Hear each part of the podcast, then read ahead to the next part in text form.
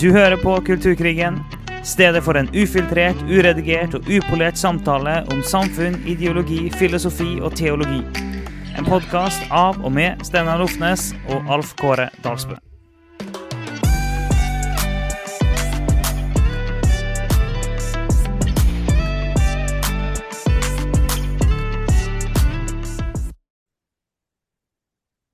Da er vi klar for en ny episode.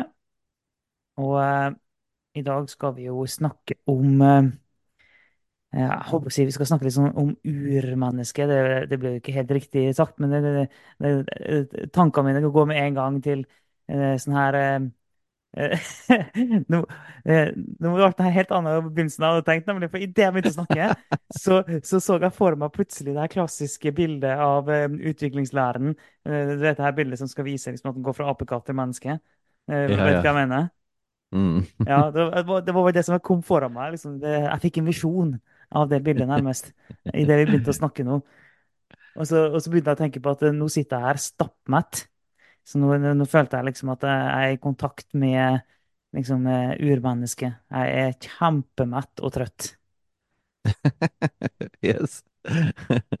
Nei, men det blir spennende eh, å snakke litt om Charles Darwin og utviklingslæren, og vi skal gå inn i noe som heter sosialdarwinisme og igjen teste dette på Bibelen, og snakke litt om hva, hva effekt har dette på kulturen vår fortsatt.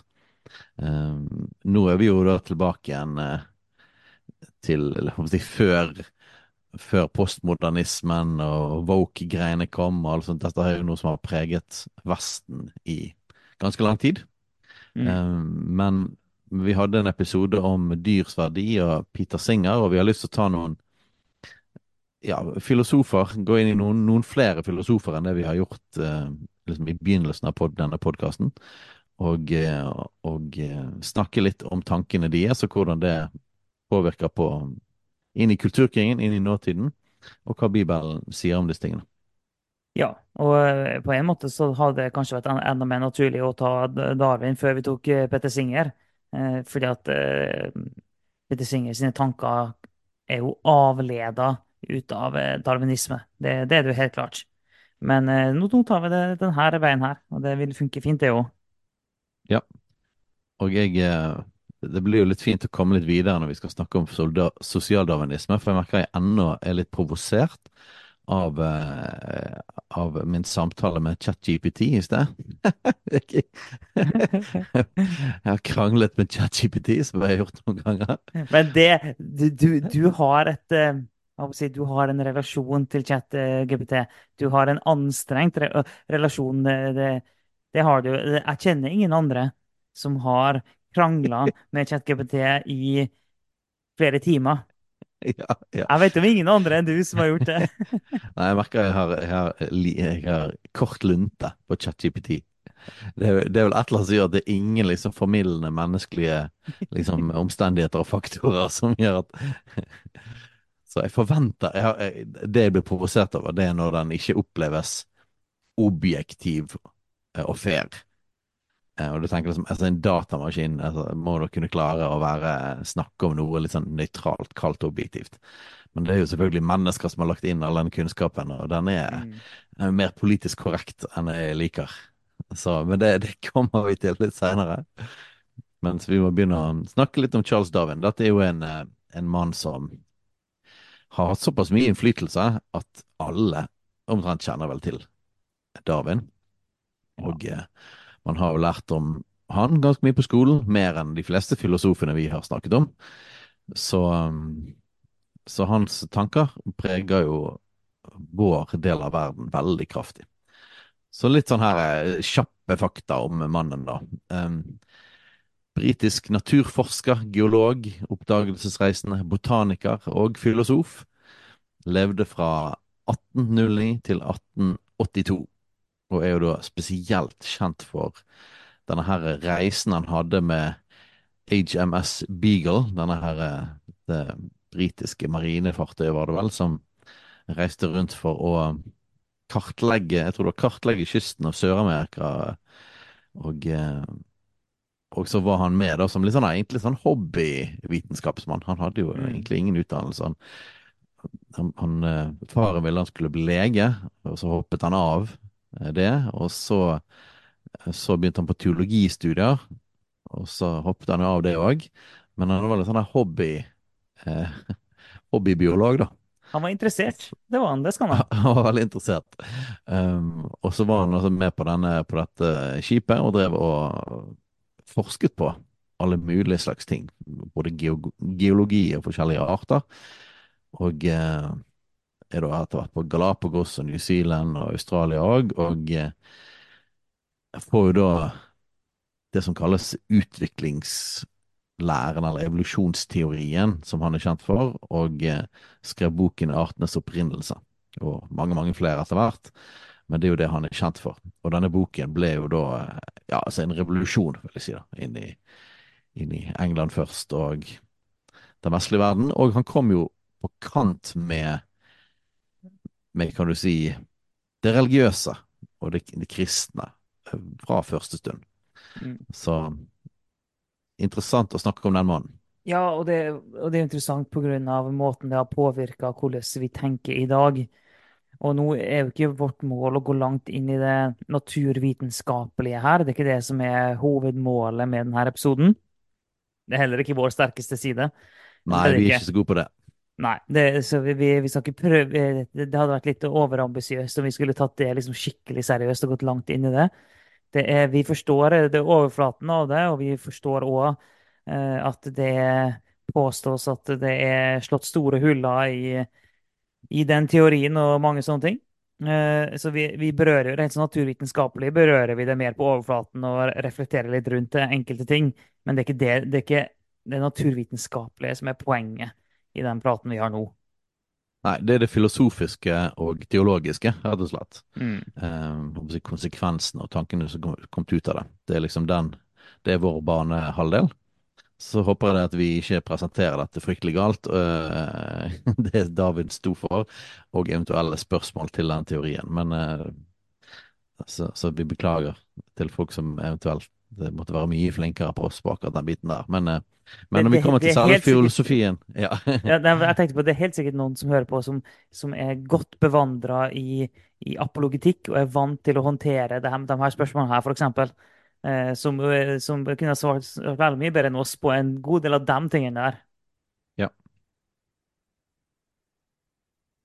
Så en liten kjapp eh, gjennomgang da, av hva i all verden er da utviklingslæren, eller darwinismen. Eh, og det er tre hovedpunkter, da.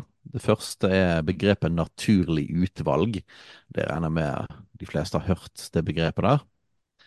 Um, og, og det er altså dette at det finnes livsformer, da, og eh, dyr og planter og sånne ting, som som har egenskaper som gir dem en fordel, da, som gjør at de har en større sjanse til å overleve og formere seg.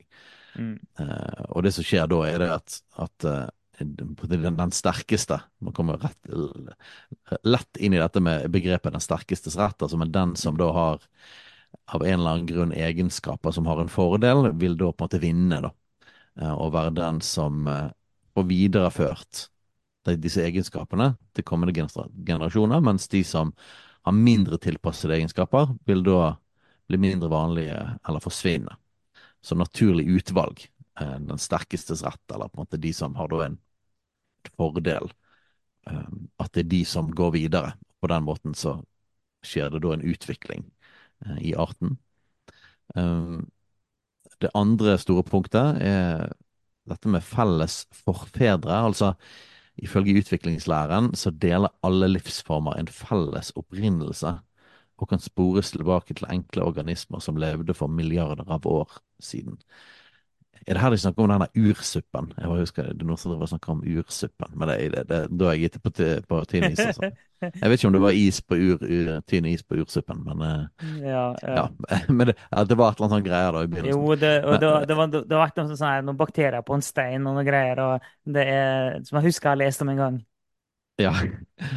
Så det, det betyr altså at alle organismer deler en felles forhistorie, eh, og forskjellige arter er egentlig da bare forskjellige grener av, av ut fra denne dette felles opphavet, denne felles opprinnelsen. Så det er nummer to. Og nummer tre er dette at, eh, at det skjer gradvis endring over tid. Så hele begrepet evolusjon er jo det si det motsatte av revolusjon. Eh, Så revolusjon er jo da dramatisk, eh, rask endring. Mm. Mens Store endringer. Ja, store endringer. Mens evolusjon er da små, sakte eh, Mm. endringer over lang tid. Så det skjer gradvis over lange tidsperioder. Små endringer og tilpasninger i egenskaper og atferd som akkumulerer over tid. Og det kan eh, føre til store endringer på alle mulige måter. Og til og med da, og det er jo da utviklingslæren, det kan til og med resultere i dannelse av nye arter. Og det er jo her da tanken, liksom dette her med at vi kommer fra et felles opphav, at det var en slags livsform, og så har det utviklet seg videre. Um, og da er det jo dette at man går fra en art til en annen, sant? og så kommer man da fram til til slutt dette her bildet som du så for deg i begynnelsen, med liksom på en måte ape og disse her forskjellige eh, Jeg husker ikke navnet på alle de her engang. Eh, men Homo sapiens er da den siste. Mm. Kanskje du må google, google akkurat de, de der navnene der. Men Ja, jeg, eh, jeg, jeg begynte nå for å google kjøre bildet. som heter Homo rectus, og, eh, og så var det vi, vi alltid, Den man alltid tuller med. En sånn huleboermann. Eh, Ja, neandertaler, tenker du på. Neandertaler. Ja, du har disse forskjellige, sant, og så når du fram til mennesket. Uh, og så har det vært snakket om, om Jeg husker veldig, når jeg var yngre, så snakket man om dette The Missing Link, som da liksom var på en måte bindeleddet da mellom ape og menneske, og at man på en måte gjerne hadde funnet utvikling innenfor en art.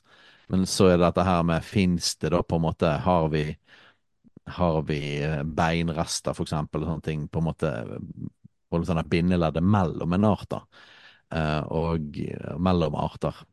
Og, og der trenger man jo da Man mangler jo da, bare for å ta den med en gang, altså, sånn som jeg har forstått det, så mangler man jo disse missing links mellom alle arter. Eh, Mm. Så, så, så dette her med at man går fra en art til en annen, da, så var den siste tredje biten av utviklingslæren, så, så kan man se utvikling innenfor. Jeg jeg tror det er ganske, ganske tydelig dokumentert uh, i naturvitenskapen at uh, fossiler av bein og forskjellig, at, at det finnes definitivt en utvikling uh, innenfor arter. Så det tror jeg man kan si bare er helt fastslått Jo, men eh, det, det, det, det vet vi. Altså, du har det bare helt vanlig avl. Altså, du har norske bønder som driver på med altså, Du avler ja. fram den sterkeste kua osv. Sånn, eh, uten at jeg har veldig mye innsikt i det. Men det, det skjer jo hele tida. Det er alle som driver på med dyr. Alle bønder vet at hvis du velger at- du kan du kan avle fram over tid de beste dyrene. Og alle som er, driver på med planter, jeg vet også at du kan eh, på en måte, jeg vet ikke om du avler det riktige ordet der, men du kan i hermetegn avle fram eh, de beste plantene. Så den typen naturlig utvalg og dermed en form for gradvis endring over tid innad i arten, det er jo helt reelt. Så det, Ja. det er det jo. Så, så det er selvfølgelig et spørsmål hvor, hvor heftig kan den endringen være? Det er det ene spørsmålet. Og det andre spørsmålet er er det mulig da å hoppe fra en art til en annen. Ja.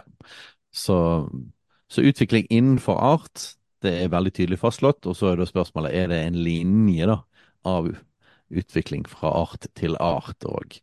Men til og med Um, utvikling innenfor art, hvis jeg har forstått det her riktig, er jo, er jo at ja, det er utvikling, men sånn, i det store bildet så er den likevel ekstremt liten. da. Ja, sant? Og da, og da eh, ligger det jo i evolusjonsteorien dette at det skal ta lang tid. Eh, og, og derfor mener man at på en måte det blir veldig vanskelig å se på utvikling på en sånn kortere tidsrom på noen hundre år eller et par tusen år og sånne ting. Um, men det skulle jo da fantes, Uh, sånn at, så det er jo en av kritikkene, det skulle jo da fantes um, tydeligere til funn på utvikling mellom alle disse artene. Det burde vært sånne mellomarter. Uh, Så jeg har jo sett sånne bilder òg av sant, når, eller sånn animasjon til og med, når liksom amøben Mm. blir til liksom etter hvert en slags sånn eh, froskelignende ting, og så kommer den opp på jorden, og så kommer den, og så blir den til en fugl, og så, ja, og så er det sånn videre. Um, sånn som jeg har forstått det, så mangler man jo alle disse mellomleddene. Det er sånn jeg har Eh, forstått det. og Jeg har iallfall aldri hørt eh, om at det har At vi har noen eksempler på at, eh, at den har gått ifra én art til en annen. Og da vil antar jeg at motargumentet vil være at det er ikke mulig å observere fordi det går over så lang tid. Men da vil jo et argument tilbake igjen være at det høres ut som tro. Det høres ut som eh, eh, egentlig som religiøs tro på lik linje med alt annet, at du må bare velge å tro på noe. Du, du, kan ikke, du kan ikke vite det for sikkert, du må velge å tro på det. Så det er sånn, ja. og jeg har, og jeg har hørt mange, in- inklusiv sånne folk som Jordan Peterson og eh, flere andre folk som tror jo veldig på, på eh, evolusjon eh, på alle mulige måter, og som på en måte trekker evolusjon inn i alt mulig. God Sad, for eksempel, hvis noen har hørt han, som er jo da en, en eh, evolusjonspsykolog, hvis du forstår det rett.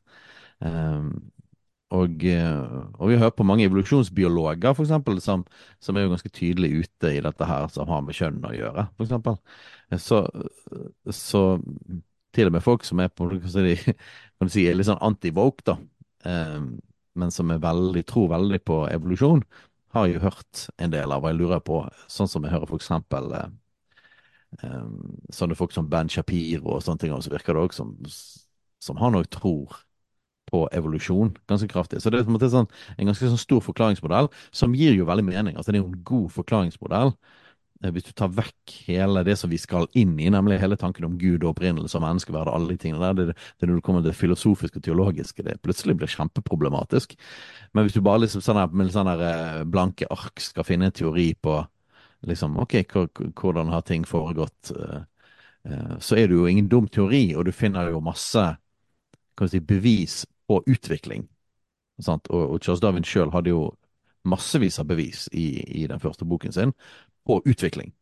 Eh, så, så det store spørsmålet her er vel ikke Jeg tror vi kan si det at det finnes vel ikke noe debatt om det er utvikling innenfor en art, men det er fortsatt en debatt om kan vi utvikle oss fra en art til en annen, og kommer da mennesket fra, i utgangspunktet, fra en sånn her eh, ursuppe. Jeg bare håper det er riktig at, eh, at det er rett begrep. Men fra en enkel organisme, da. Eh, og, og det er sånn vi har blitt til. Ja. Det er jo der på en måte der det blir mye mer utfordrende for en eh, kristen. Eh, og så jeg, jeg hørte Men- akkurat men- det Ja. Men bare, bare til noen eh, Ja, det, eh, til en viss grad, men samtidig så har jeg òg en litt, litt sånn Kanskje litt vel pragmatisk tanke, men eh, Eller jeg tror ikke at mennesket har kommet ifra ursuppa. Det tror jeg ikke. Men poenget mitt handler om at, at hvis evolusjonsteorien altså den kan stemme i den forstand at eh, om, så det, om så det hadde vært at den kan hoppe fra en art til en annen, da. Hvis det viser seg en dag at det, det faktisk er mulig. Så er det sånn Det er begrensa hvor mye det har å si eh, for, eh, for meg og mitt gudsliv. Fordi at eh, om det er sånn, om det er sånn det er, så er det bare det at eh, da Gud skapte sånn, da. da det, det, på, på en måte er det ikke verre enn det. Jeg, jeg forstår at det er mer problematisk hvis en da tenker at det utelukker muligheten for at Gud skapte mennesket, og så starta det der. At, Ja, og det er jo akkurat det vi må hoppe inn i, sant? Og, og da kommer vi til de filosofiske på en måte implikasjonene. Nå måtte jeg bare spørre min venn ChatGPT om eh, Jeg bare slenger ut dette ursuppebegrepet uten å være helt sikker. Ikke helt stødig i biologien der. Så, men men eh, ursuppehypotesen eh, ser ut som det handler om dette. Altså det er miks av mye rart, og de første enkle, livets første enkle former som utviklet seg til de første primitive livsformer på jorda. Så det høres ut som det var riktig å bruke ursuppen. Eh, Så jeg, jeg, bare én ting som jeg hørte, og nok en gang på, den, på, på biologien her og vitenskapen her, dette ikke var sterkeste felt. Um, så her prøver vi å lese og høre og, og se hva folk sier, men, jeg, men jeg, når det gjelder på det huller i darwinismen, eller folk, områder av kritikk, så har jeg forstått at, at det er noe med litt på cellenivå, DNA og molekylgreier og sånne ting. At det var en del greier der som de, som de ikke forsto på Darwin sin tid, som visstnok noen mener er en stor utfordring. Og så hørte jeg en også snakket om at dette med at, at vi har inn eksempler på at encellede organismer går over til flercellede organismer. Så da visstnok skal være en forutsetning for hele dette ursuppegreiene, at det skal komme seg videre. Eh, men nok en gang, eh, her, her er jeg på tynn is. Her er du på tynn ursuppe, det er du.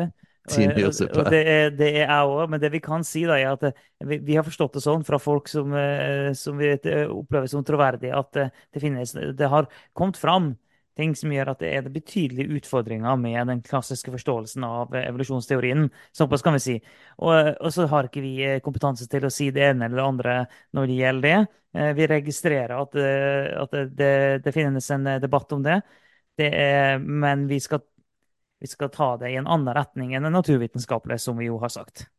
Vet du hva, som slår meg når vi snakker om dette, Alfgård? Jeg tror, eh, jeg tror disse minuttene til nå eh, var sikkert sånn etterlengtet sånn her eh, undring og, og på en måte innrømmelse av mangel på kunnskap og sånne ting, som kanskje eh, store deler av våre, våre lyttere, eller kanskje de som prøvde å høre på oss, men aldri gidder å høre på oss igjen, har savnet et da, en sånn viss ydmykhet. Ja, Så, ja. vår skråsikkerhet i nesten alle andre episoder er jo, Ja, er en stor provokasjon. altså. Det tenkte ikke jeg på. Det har ikke jeg tenkt på, men det er jo sant, det. For det, iallfall av dem som eh, ikke liker oss, så er det jo en gjentagende ting at en mener at vi er for, skrås, for skråsikre, vi er for bastant, eh, og den typen, eh, den typen karakteristikker av oss, da. Så vi får bare invitere dem til å høre den første det er ca. 20 minutter nå, og så må de skru, skru av, da, for da, vi blir sikkert mye mer bastant og skråsikre resten av, episoden. ja, da kommer vi på skråsikkerheten. Og, eh, og bare for liksom eh, forklare den igjen til eh, menneskeheten som hører på oss. Vår skråsikkerhet betyr ikke at vi vet alt og har rett i alt. Nei. Det betyr at vi er overbevist om det vi tror på. Men så har vi masse ting som vi ikke vet. Verken vet eller er sikre på. Men det er jo ikke de tingene vi snakker så mye om. Vi snakker jo om de tingene vi har sterke meninger om. Altså, altså vi, vi, har ikke en podkast om ting vi ikke har meninger om. Det sier seg jo sjøl. Sånn. Men Det- det, det, det passer jo bedre i kulturen at du skal på en måte være undrende usikker og på en måte ikke ha sterke meninger eller eh, være skråsikker på noe som helst. Ja, Men det, men det- det funker ikke helt for oss. Det der er, nå er det her i ferd med å bli en avsporing, men, men jeg har bare Til dags dato, altså, så klarer jeg fortsatt ikke å forstå problemet med å mene. For det er det som oppleves, at bare fordi at vi mener ting, så det, så er det folk som opplever som at dermed så er alle dører stengt. Men det bare sånn her Jeg har bare sagt hva jeg mener. That's it. Det eneste jeg har gjort, Mhm. er at jeg tror på noe. Altså, jeg har sagt hva jeg mener. Du må gjerne si hva du mener. Du må gjerne utfordre meg. Og ingenting er så gøy som når jeg blir utfordra og jeg kjenner at jeg må virkelig jobbe med, med min egen tankegang. Og, og, Mhm. og så er det sånn at i det sekundet jeg innser at hei, du har mer rett enn meg, så snur jeg om meg. Det, det er ikke verre enn det. Og, og, så, og, og, så, når folk sier at liksom, ja, men det er så irriterende at du, du tror du har rett, liksom. Ja, men i all verden, da. Hvem er det som ikke tror at de har rett når de mener noe? Det er jo hele Ja, det- poenget det med å mene. Men hele poenget med å mene noe er jo at du tror at Vi mener jo ikke ting som vi tror er feil. Det sånn Men, men det er jo det som er problemet. Jeg tror nok det finnes en del folk der ute som bare da ikke mener ting så veldig sterkt. Eller kanskje har det som en slags livsfilosofi at du må bare være forsiktig og usikker på generell basis.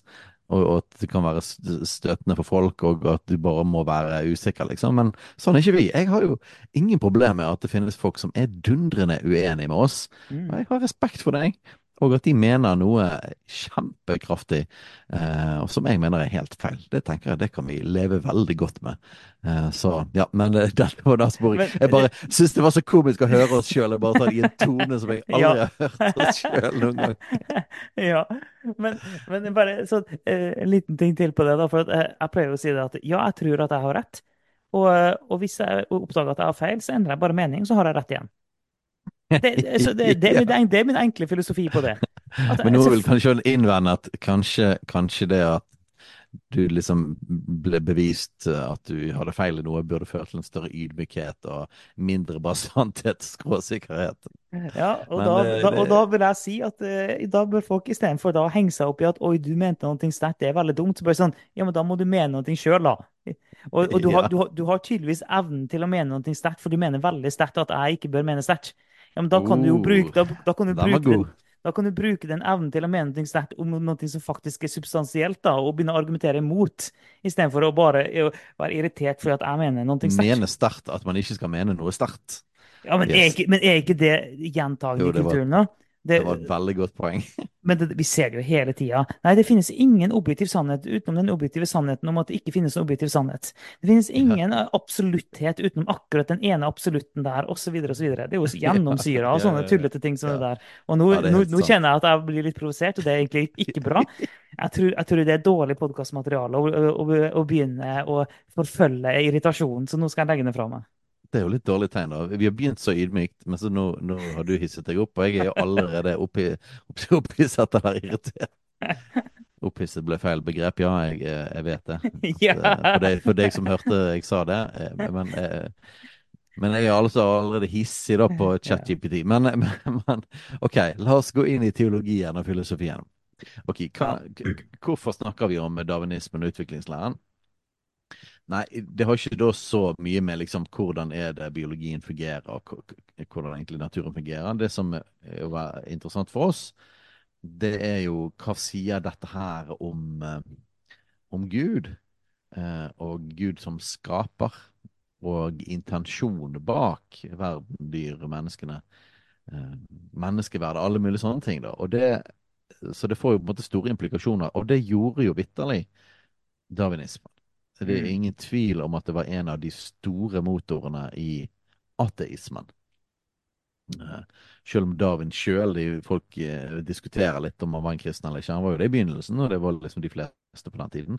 Mm. Eh, Men han har forstått det sånn, i alle fall. Noe flere beskriver iallfall han som at han, han gikk vekk fra troen på at Gud i alle fall hadde skapt på den måten som står i Bibelen. Så det påvirket iallfall hans skriftsyn. for å si det sånn. Eh, og så er man litt uenig om han var ateist eller ikke. Men det fikk i alle fall en, det var jo en virkelig ammunisjon inn til ateismen. da, sant? Det ble en, det ble en eh, I på det så var det kristne Europa som tok for gitt at Bibelen var sann, og at skapelsesfortellingen var sann, og det er vår opprinnelse. Eh, så var jo dette her en bombe inn, inn i hele den forståelsen. Og da får jo det virkelig store teologiske og filosofiske implikasjoner.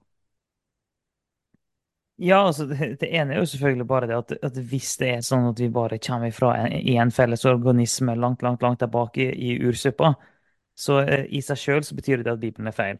Eh, altså da, da ble vi ikke skapt i Guds bilde.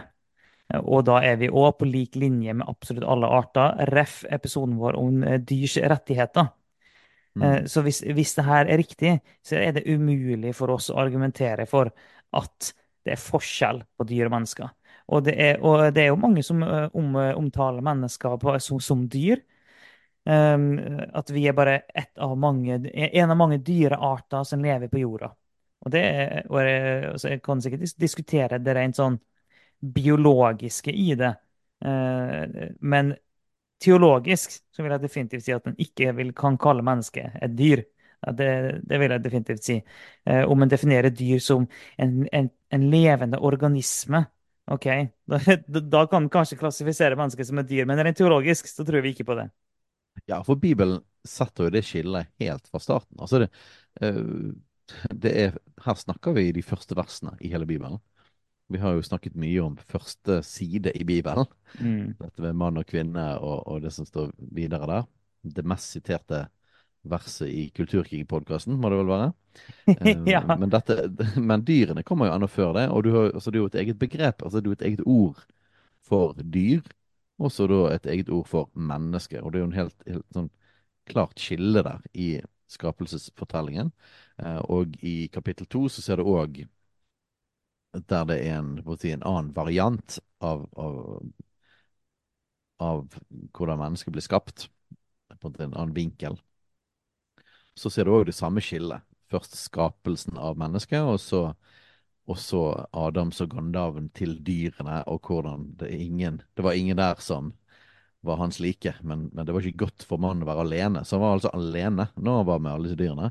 Mm. Eh, og Gud ville skape en, eh, en nyttig si, motstander, eller en medhjelper, eh, til Adam. Og når han så kvinnen, så, så var det noe helt annet. Her var det en gjenkjennelse. Her var det det samme.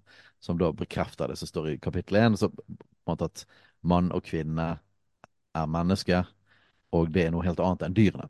Så, så sant? De første sidene i Bibelen så setter det skillet veldig klart og tydelig. Og Ja, det, og, det er på en måte et og, og, ja, og det faktum at det, det, det, det er det tydelig eh, Altså Bibelen er helt tydelig på mennesket er skapt i Guds bilde. Det står ingenting om at dyrene er skapt til Guds bilde. Så det, det, bare det faktum at mennesket er skapt til Guds bilde, og når Adam så Eva, så gjenkjente han mennesket. De to Mm. tingene der, som, det, det gjør det veldig tydelig at mennesket er noe annet enn dyr. Så at vi er levende organismer, ja, men, men teologisk så er jo det der kjempeviktig. Uh, så menneskeverdet og forskjellen på men, mennesker og dyr kommer veldig tydelig fra, eh, klart fram, og har jo fulgt eh, kristen tro hele veien. Og når man da sier det at skapelsesfortellingen ikke er sann, og vi skal komme litt inn mer på detaljer på det da med seks dager og forskjellig, men, men hvis man da sier det at nei, Gud skapte ikke mennesket på den måten, men mennesket ble til gjennom utvikling. Så er spørsmålet, går det an å forene? uh, går det an å forene en utviklingslære med kristen tro? Og uh, ja, det er litt sånn bob-bob, vil jeg si. Vi var jo litt inn på det. Det, det blir iallfall veldig problematisk å sette en, en, en strek eller en grense for når menneskeverdet kommer inn, da. Mm. Uh, for du, du man kommer ikke utenom, altså fra starten av Bibelen og gjennom hele Bibelen, altså absolutt hele Bibelen, så er det et skille mellom menneske og dyr. Så hvor begynner da mennesket? Hvis du tenker ja, men dette bare men, ok, Man tror på menneskeverdet, på en måte, at vi skapte Guds bilde, men vi blir skapt i Guds bilde gjennom en utvikling fra art til art. Hvor kommer da menneskeverdet inn? Hvor kommer du da til forskjellen mellom dyr og menneske? Den Mm. blir jo veldig problematisk å argumentere for. Ja, det, og da, da må du egentlig nesten litt sånn tilbake til Peter Singer, da. For da må du begynne å snakke om person, eh, for å klare å vurdere når er det her, når er den her organismen, når er det dyret her, når er det en person, og det, det, sånn, det, jeg må jo begynne med en sånn type argumentasjon da. Og det er jo nettopp Mm. derfor Peter Singer har- driver på med den argumentasjonen. Det er jo fordi han, han, eh, han driver og prøver å finne ut av det her uten Gud. Og han avviser den bibelske skapelsesfortellingen, og derfor er dette en logisk konklusjon. Noe jeg mener at han har helt rett i. Ja. Uten den bibelske skapelsesfortellingen uten en gud, så, det, så er det vanskelig filosofisk å trekke en, på en, gren, en, det er en sånn grense mellom dyr og mennesker. Ja, med mindre, med mindre da, en, en faktisk eh, tør å, å si høyt at en tror på den sterkestes rett. Ja, og det Eh, er jo en veldig spennende ting som vi kommer inn i på med, Ja, for, for, sosialdarwinismen. for, for Mm. hvis en da tør å si at eh, det at en er sterkere, gjør at det er greit å underlegge seg andre Hvis en mener det, ja, men da er det ikke så problematisk lenger. Ja, Da- for da kan du lage et hierarki basert på intelligens, styrke, måtte hvor avansert livsform du er, da. Og så lage et Mm. hierarki på at de mest avanserte og de sterkeste, de har mest verdi. Og er da øverst i hierarkiet, og så kan du lage inn på en måte system nedover.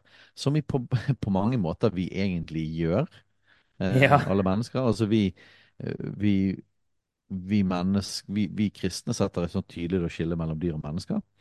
Men så er det jo helt klart at, at vi har Vi verdsetter faktisk dyr forskjellig ut fra hvor avanserte de er. Altså de... Ja, Ut ifra evner, ja.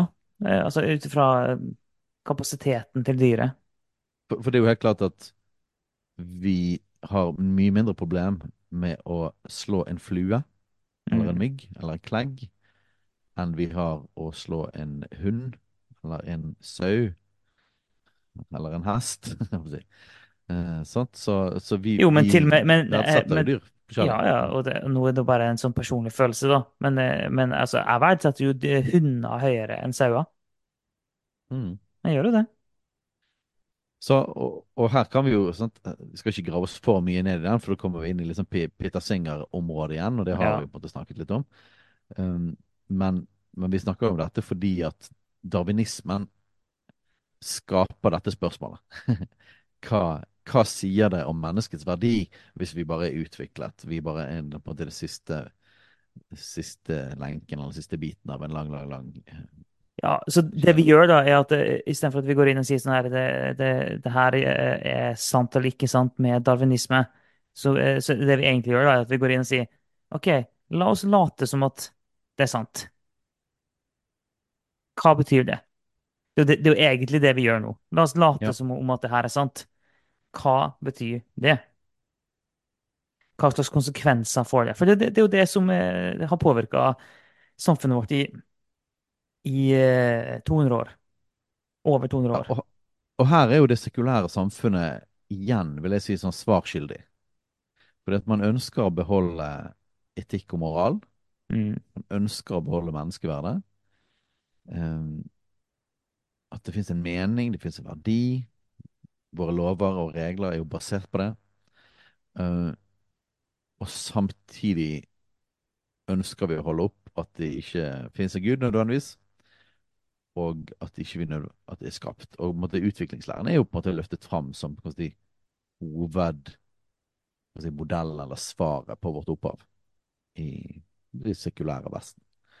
Uh, og det er vel den dominerende forståelsen. Det er klart det er mange som tror på en gud òg, men dette er, har jo gjennomsyret veldig. Og, det som på en måte er utfordrende for oss, er liksom at hvordan kan man da ta vekk Gud, og ta vekk på en måte menneskeverdet som kommer fra skapelsesfortellingen, og samtidig si at vi bare er et dyr?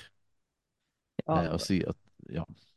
men det er, jeg opplever som at en prøver å ri to hester her, for en prøver da å komme seg vekk fra Gud og omfavne en teori som gjør at en kan avskrive Gud helt. Men for å unngå å dra de verste konsekvensene av den, te den teorien, så tvier en likevel på, en, eh, på et etisk rammeverk eh, som kommer fra Gud. Så, Mm, så for at tar du utviklingslæren på alvor, tar du survival of the fittest på alvor, Eh, så, så er det Så klarer ikke jeg å se hvordan en skal kunne argumentere mot diskriminering, mot undertrykkelse, mot krig, kolonisering, imperialisme, eh, rasisme og alt mulig. Jeg forstår ikke mm, hvordan en skal klare det. For det, det, jeg hørte en som sa det at det, noe av poenget her med utviklingslæren er jo det at det er det er altså kampen, den sterkestes rett, da, kampen er jo innad i arten. Det er ikke mellom artene, det er innad i arten, og så er det den sterkeste som fører den arten videre. Og det er på den måten at utviklinga skjer innenfor den arten, sånn som vi snakka med avl og sånn tidligere i episoden. Men hvis en faktisk tror på det, og en tror at mennesket bare er dyr, hvordan i all verden skal han klare da å argumentere for at mennesket ikke skal eh, underlegge seg andre? At den ikke skal underlegge seg andre innenfor arten menneske? Hvordan kan det da være feil å ha slaver, hvis det der stemmer? For da er det jo egentlig moral, Hvis det her stemmer, så er det egentlig moralsk riktig å ha slaver, eller egentlig, da, eh, å kjøre i gang med folkemord. For da er det jo riktig å bli kvitt de, de svake, sånn at de sterke kan gå videre. Det, og, og det er jo da det naturlige. Det er da det faktisk naturlige vil jo være det, hvis en tror på det her. Men, men det sånn, for å unngå å dra den konklusjonen, så prøver å komme med andre etiske rammeverk. Petter Singer prøver å komme med et annet rammeverk der, der han har skapt det, det er ikke han da, som har skapt det, men det han argumenterer for, er jo da sånn at det vi må, det vi må gå etter, er skape mest mulig lykke, glede, nytelse og minst mulig lidelse. Ok, høres fint ut, men hvor har du det fra, da? Sant? Hvor mm. har du det, og hvor, hvor har du fra at det er det vi skal måle alt opp mot? Du må jo ha det fra et sted. Ja, og, da, og jeg har, jo- når jeg hørte litt på han, sant, så argumenterer han supersubjektivt. sant? Mm, Jo, jeg har en erfaring av at lykke er bra, og dette fører til lykke, og at lidelse er noe jeg ikke vil ha. Og det virker som at andre òg gjør det. Ergo ser det ut som at dette er en felles ting, og så blir det det etiske rammeverket. mm. Eh, Men, men eh, Men hvor vi kommer syns jo lykke og det er glede fra, da? fryktelig- Ja, ja. Sant? Vi syns jo det er fryktelig, fryktelig tynt. Ja. Og, og, og jeg tenker da kan du jo bare Eh, vi skal snakke mer om Nietzsche i en annen episode, men da kan du jo bare gjøre som Nietzsche da, og bare si det at ja, men eh, hva med at eh, det, det er bra med lidelse? Mm. Eh, eller hva, hva med at Altså, han, satt, han tvilte jo da på alle de kristne forutsetningene. Mm. Eh, at, at det gode var godt, og det onde var ondt, og på en måte egentlig alt sammen. Jeg skal ikke gå, for, gå langt inn i Nietzsche nå, men, eh, men det blir sånn Men hvor, hvor har du de forutsetningene fra, Peter Singer? Eh, Mm. og, men nå er vi jo allerede begynt litt grann på sosialdarwinisme, og vi skal gå lenger ned den veien. Og vi kan ta et par ting til da med, med hva sier Bibelen i forhold til da, darwinismen. Um, sånn, kan det forenes at vi har blitt utviklet frem? Og da kommer i hvert fall den store problemstillingen kommer til hvordan argumenterer vi for menneskeverdet, og hvordan kan vi eh, det, det blir vanskelig å tro på ikke bare skapelsesfortelling, men jeg syns det blir vanskelig å tro på det bastante skillet mellom dyr og mennesker og verdi som går gjennom hele Bibelen. Mm. Der, der- har man en, har man en, ut, en utfordring. Um, og så må man på en måte hoppe over skapelsesfortellingen og si det at vi tror fortsatt på dette, at det er Gud er en skaper. Vi tror bare ikke helt på at det blir på den måten. Um, og at dette er på en måte en um, ja, en symbolsk fortelling, på en måte, da, som forteller på en måte Som har noen viktige poenger i seg, og de tror vi på, men, men at det ikke nødvendigvis skjedde på den måten. Og da kommer vi inn i dette her med ble jorden skapt på seks dager, og må vi nødvendigvis tro på det, og det med jordens alder. For i en av disse hovedpunktene til darwinismen så er det at det tar lang tid. Mm. Uh, så da, da er det da vi begynner å komme inn i disse her millioner og milliarder av årene, da. Mm. Som vi ofte hører fra en del vitenskapsfolk, da. Så, så hva tenker vi om det, Alf Kåre? Ja, nei, altså- Seksdagersgreien.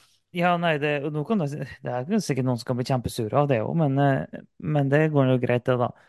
Men jeg må innrømme at det, her Kanskje jeg er for pragmatisk og tar for lett på det. Det kan være. Da får noen, da får noen utfordre meg. Så skal jeg, så skal jeg uh, Og du, skal- du skal komme med en liberal uttalelse nå. Det, det, det, det er de du, du, du Ja, skal få konservative til å bli sur på deg nå. ja, ja, ja, ja, ja.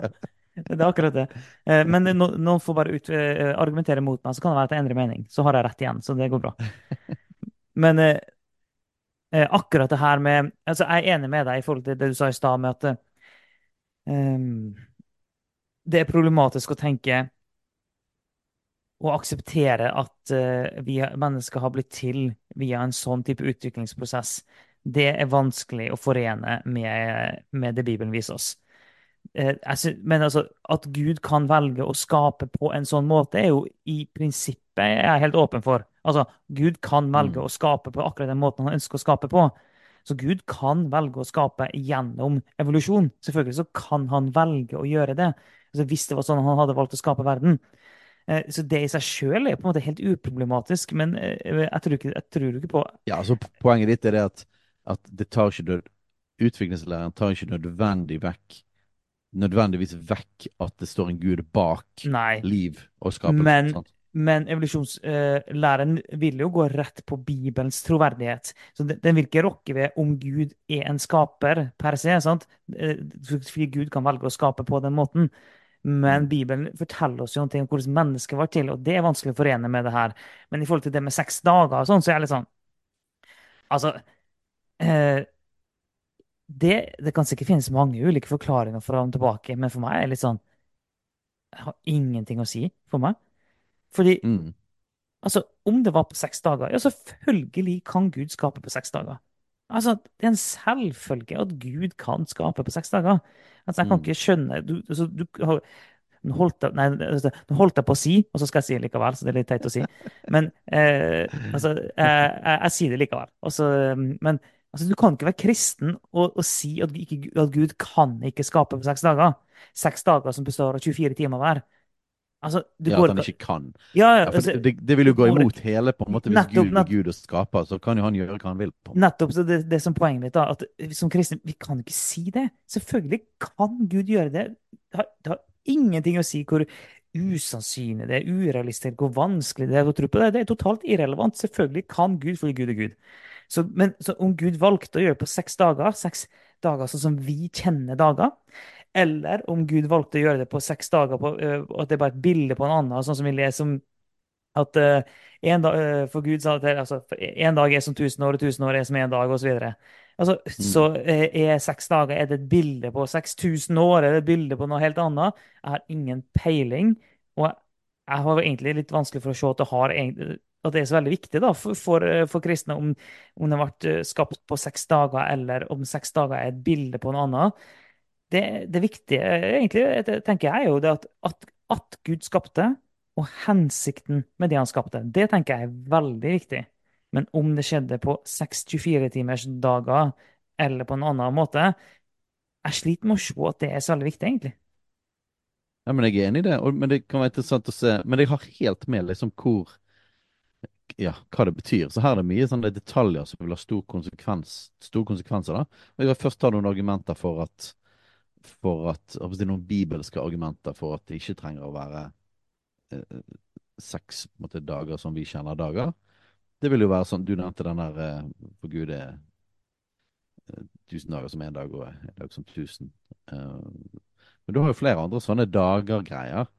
I Johannes' åpenbaring så har du flere sånne eksempler med dager som åpenbart ikke er dager. Altså på en måte dager som, som på et bilde på en tid, da. Mm, Eh, og, og så har du den her den siste tid, og så den siste time. Det mm, står at uh, Paulus sier at vi, vi lever i den siste time. Eh, og da har jo den siste timen vart i, i 2000 år. Ja. Sant? Så, så, at, så at det finnes et profetisk språkbruk om tid, at, at Gud har At det finnes noe som heter Guds tid, Guds timing. Da har du litt sånn Kairos og Kronos og de tingene der òg. Mm, det er et, et, en kjent ting i Bibelen. Altså Det er ikke bare sånn det skjer én gang, det skjer ganske mange ganger. Og spesielt i sånn profetisk språkbruk. Så er dette med tider og tider og timer og eh, dager og sånne ting kan bety andre ting. Eh, og det kan bety epoker, og det kan bety noe som nesten virker som at helt sånt eh, fra Guds side det er helt intensjonelt at vi ikke skal vite hvor lang tid det er. mm, det er sånn, um, og, og vi ser mye om det der med når det kommer til Jesu gjenkomst og sånne ting. Og poenget er bare liksom at det kommer, eh, og når Gud vil, da er det der. Og det finnes epoker, og det finnes tider, men, men akkurat hva det er. Og, og sånn sett så vil jeg si at det går fint å argumentere for det. Ut- Utfordringen kommer når man i, i forhold til hvor langt man drar skapelsen til å være symbolsk. Jeg mm, tenker jo at det vil jo være ganske viktig da å holde fast på sånne type ting som at når Gud skapte sol og måne, dag og natt og dager, mm, så når Gud snakker om at han skapte på seks dager, og, og skapte på en måte konseptet dag og natt, da, mm. så var det en ramme som Gud skapte, helt konkret. Altså det var ikke Ja. noe eh, Det fortsatt finnes, og det er en del av Guds ordning.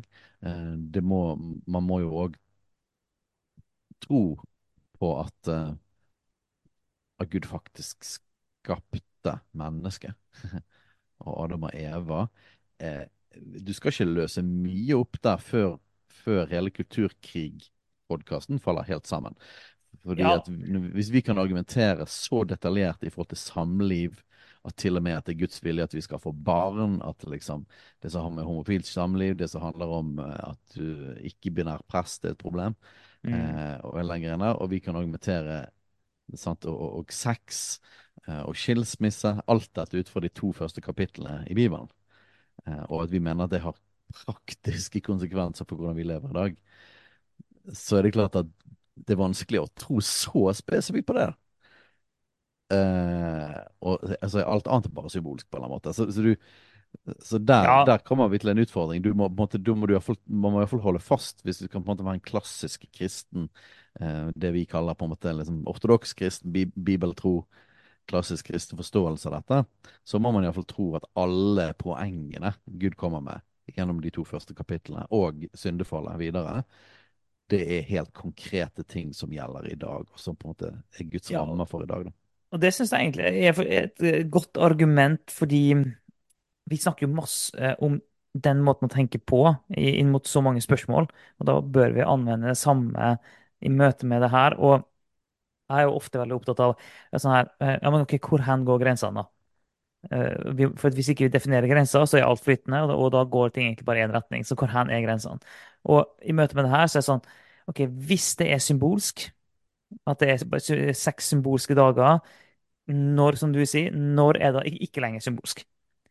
Og hva er, hva er det vi bruker for å klare å avgjøre når det går over fra symbolsk til ikke-symbolsk? Og sannheten der er jo at vi har ikke noen ting der for å klare å, å, å gjøre det veldig sånn tydelig at akkurat der slutta det å være symbolsk, og, da, og der begynte det å bli mer bokstavelig. Altså, det er veldig vanskelig. Vi kan selvfølgelig si at det var når Gud skapte mennesket. Ja, vi kan si det, men ikke, det er vanskelig å komme opp med veldig sånn gode argumenter for at der slutta det å være symbolsk. Det, det er vanskelig. Og når et, etter syndefallet, når det står om at Gud vandra omkring i hagen på kvelden, eller eh, ja, i den svale kveldsbrisen, eller hva det står. Sant? Ok, men Gud har skapt eh, eh, sol og måne, natt og dag, kveld, sval kveldsbris. Sånn at tida går. Det er helt sånn tydelig at det er en tid som går. Eh, tida står ikke i ro. Eh, og så kan du tenke at det er symbolsk, og det kan, men når blir det bokstavelig? Eh, jeg synes egentlig det er et veldig godt argument for at det enkleste, i alle fall, for oss, er å tenke at det er seks dager sånn som vi kjenner dagene i dag. Og så, eh, eh, så Fortsatt så vil jeg jo si at det er ikke så veldig viktig for eller imot, men det må være men det må, det må henge sammen. da. Vi må være litt sånn konsistent i måten vi tenker på. Dermed så vil jo den konsistente måten å tenke på være at eh, alt er bokstavelig. Ja, så Det er jo noen interessante elementer her. det at Vi ser at Jesus gjentar jo skapelsesfortellingen. Har dere ikke lest eller hørt? Jeg husker ikke om det var lest eller hørt han sa der. Mm, At Gud skapte mennesker, mann, mann og kvinne. Eh, at de skulle være ett. Sant? Så Jesus siterer jo skapelsesfortellingen og bruker det som et argument for helt konkrete tanker om skilsmisse og relasjoner der og da. Altså, for disiplene. Dette er sånn vi skal leve på grunn av skapelsen. mm. Sant? For å si sånn, Jesus argumenterer sånn som vi gjør i kulturkrigen. Eh, at dette får konsekvenser for hvordan vi lever nå. E- Eller for, å, Eh, eller for å bare være ydmyk, så kan vi si at eh, vi argumenterer sånn som Jesus gjorde. oi, oi, oi, den var mye bedre. Jeg burde funnet på det med en gang. Det var et litt, det var et litt for fristende stikk. Men, men, eh, men sant. Og, og eh, altså, det er jo noe med Jesus sitt bibelsyn, da. Og så kan man Mm, si det at ja, men det var det egentlig Jesus sa det, kanskje var noen andre som skrev det. Ja, men, ja, sant, men da løser du opp hele Bibelen. Så da, da, har du, da er vi tilbake igjen til episoden om liberal teologi. Hva er det vi tror på her? Eh, mm. Men da er, du, da er du tilbake til at ja, kanskje vi tror på en gud, og kan, kanskje det fins en gud, men du, du har ikke noen konkrete rammer lenger hvis du ikke tror på Bibelen. Ja. Um, sant? Og dette med å tro at syndefallsfortellingen er symbolsk og er jo veldig utfordrende hvis det er bare beskrivelse av noe som på en måte skjedde over tid med mennesker, at de ble liksom onde og fulgte sin egen vei. Da blir på en måte korset som er så konkret, det er veldig det er det, er det liksom sånn at Kors òg en prosess liksom over Ja. tid, en symbolsk prosess som reverserte den symbolske prosessen som skjedde over lang tid med syndefall. Altså, du, du kommer ned i noen ganske store teologiske problemer, da, som man skal jo få være utrolig forsiktig der, eh, i forhold til ja, den er vanskelig. Ja, altså. skapelsesfortellingen er ganske sentral for å forstå evangeliet. Ja, den er det, men, men det er et veldig godt poeng du kommer med der, at Jesus argumenterte ut ifra skapelsen. Han mente helt klart at den var bokstavelig, og at den hadde, og, at den hadde konsekvenser eh, for hvordan vi skal tenke i dag, og at måten Gud gjorde det da, er sånn som ting fortsatt henger sammen. Så det, det er jo ikke symbolsk, for det er jo, det jo bokstavelig. For Jesus sier at sånn som Gud skapte det da, sånn er det fortsatt. Mm. Så det vi ser i dag, det henger sammen med det som var da. Det, det var noe ekte, det var noe uh, reelt som skjedde. Det, var, det er ikke bare bildebruk her. Det er faktisk noe ekte og reelt. Og så kan du selvfølgelig si at dermed kan vi si at i alle fall fra der, fra det punktet, altså skapelsen av mennesket, så går det over til å være bokstavelig. En kan selvfølgelig si det fordi at Jesus sa det. En kan Mm. velge, en, en kan velge seg det som et sånn startpunkt for hvor hen det, det, det senest blir bokstavelig. Det kan en.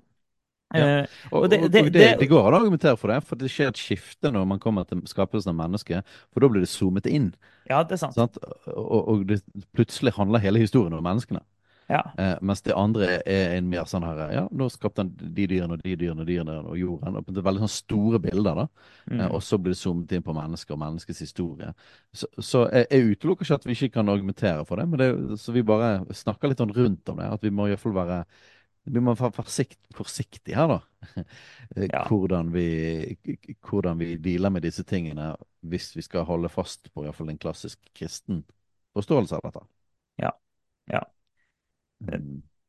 Vi kan kaste ut en teori som jeg hørte. Det var, var jeg, jeg, Nok en gang, jeg vet ikke hvor mye hold dette har, eller noe sånt, men jeg, bare- jeg synes det var interessant. Det var noen som sa det at eh, eh, For da går du inn i sånn her eh, jordlag og telling og sånne ting det der. Og, og la meg si, jeg har litt sånn her begge